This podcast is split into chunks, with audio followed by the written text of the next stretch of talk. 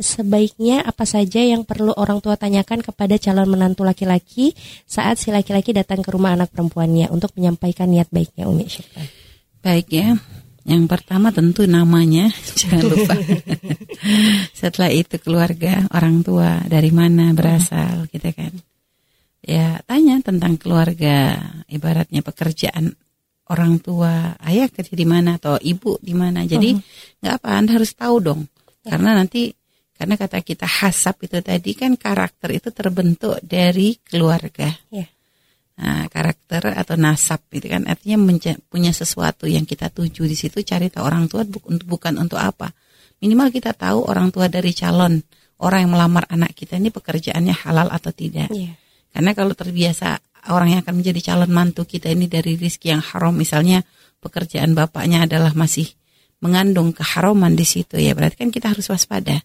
-huh. Karena berarti bisa saja anak kita pun nanti uh, dari orang mertua yang pekerjaannya masih bercampur dengan yang haram tadi kan mau tidak mau akan membawa pengaruh mempengaruhi perilaku anaknya kan begitu. Mm -hmm. Artinya itu pun perlu kita tahu.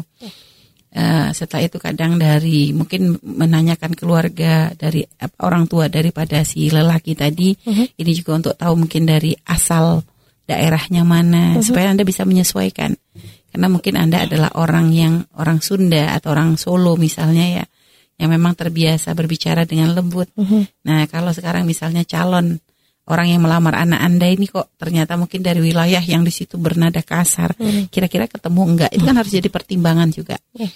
Setelah itu nanti bertanya tentang pendidikan boleh dari si anak laki-laki ini pendidikannya bagaimana? Setelah itu bertanya tentang pekerjaannya, apakah dia sudah bekerja atau belum? Enggak ada masalah itu perlu tahu.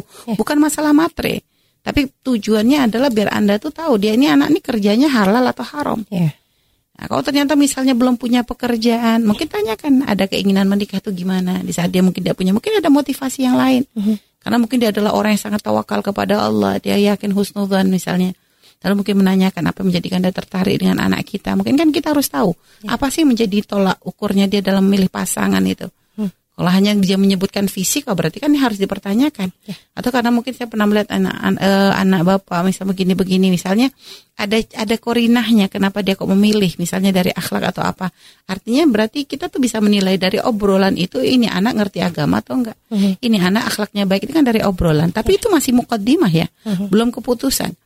Jadi kalau ketika Anda sudah berkaitan masalah uh, pekerjaan dia, terus setelah itu pergaulan dia, sekolah kumpulnya di mana ini atau mungkin uh, apakah sering mungkin kita punya patokan ini adalah anak yang harus dengan kita nih uh, menantu yang akan kita pilih adalah orang yang dekat dengan majelis ilmu. Uh-huh. Ya mungkin kita bisa tanyakan dia berguru dengan siapa karena bisa saja ternyata akidahnya beda dengan kita kan gitu.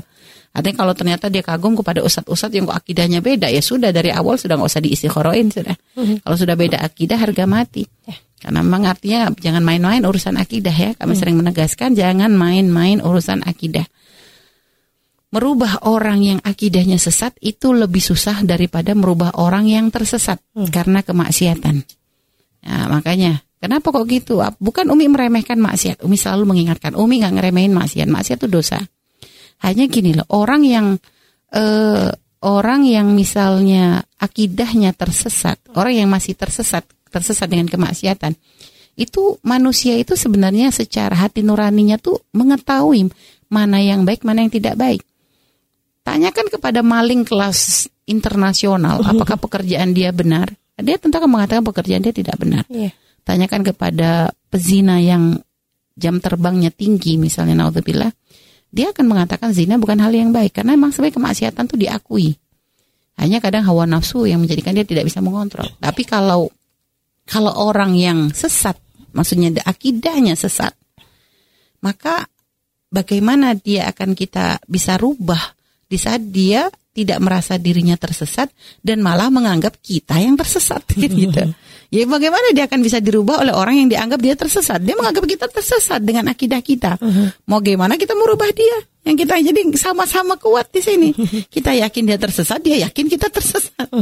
Jadi kan nggak bisa ketemu di situ. Bahkan dalam fikih saja kalau kita meyakini ya ada uh, apa ya dalam fikih saja nih ya dalam gambaran fikih ini misal Umi sama Nadia jalan mm-hmm. jalan bareng nggak mm-hmm. taunya subhanallah waktu mau wudhu ternyata di situ ada dua ember mm. dua ember, tiba-tiba ada seorang laki-laki ngasih tahu katanya, itu ember yang ada di situ salah satunya najis loh ya gitu, salah satunya najis. Setelah itu mungkin setelah ngomong orang itu mati misalnya. Sehingga kita nggak bisa minta penjelasan. Ember yang hijau atau yang merah misalnya begitu. Yang jelas salah satu dari orang yang bisa dipercaya mengatakan salah satunya najis misalnya. Sehingga akhirnya karena nggak ada kejelasan ember yang merah atau yang hijau. Akhirnya kita ini Umi sama Nadia sama-sama ijtihad. Kata Umi kalau dilihat ini dari tingkat kebeningan apa semua, Umi milih yang merah nih yang suci. Kata Nadia nggak beningnya sama bening ini anak yakin yang hijau. Akhirnya Umi berwudhu dengan yang merah karena Umi yakin yang merah yang suci. Mm-hmm. Nah dia berwudhu dengan yang hijau karena nah dia meyakini yang hijau yang suci. suci. Itu pun dia dari keyakinan Umi yang berbeda dengan Nadia dari man air yang suci tadi. Umi sama Nadia tidak boleh berjamaah. Nggak boleh berjamaah. Umi nggak boleh jadi makmum dengan imam atau Umi menjadi makmum Nadia menjadi imam atau Nadia makmum Umi imam nggak bisa semuanya. Kenapa? Karena Umi tidak boleh bermakmum kepada orang yang Umi yakini dia tidak sah kan gitu.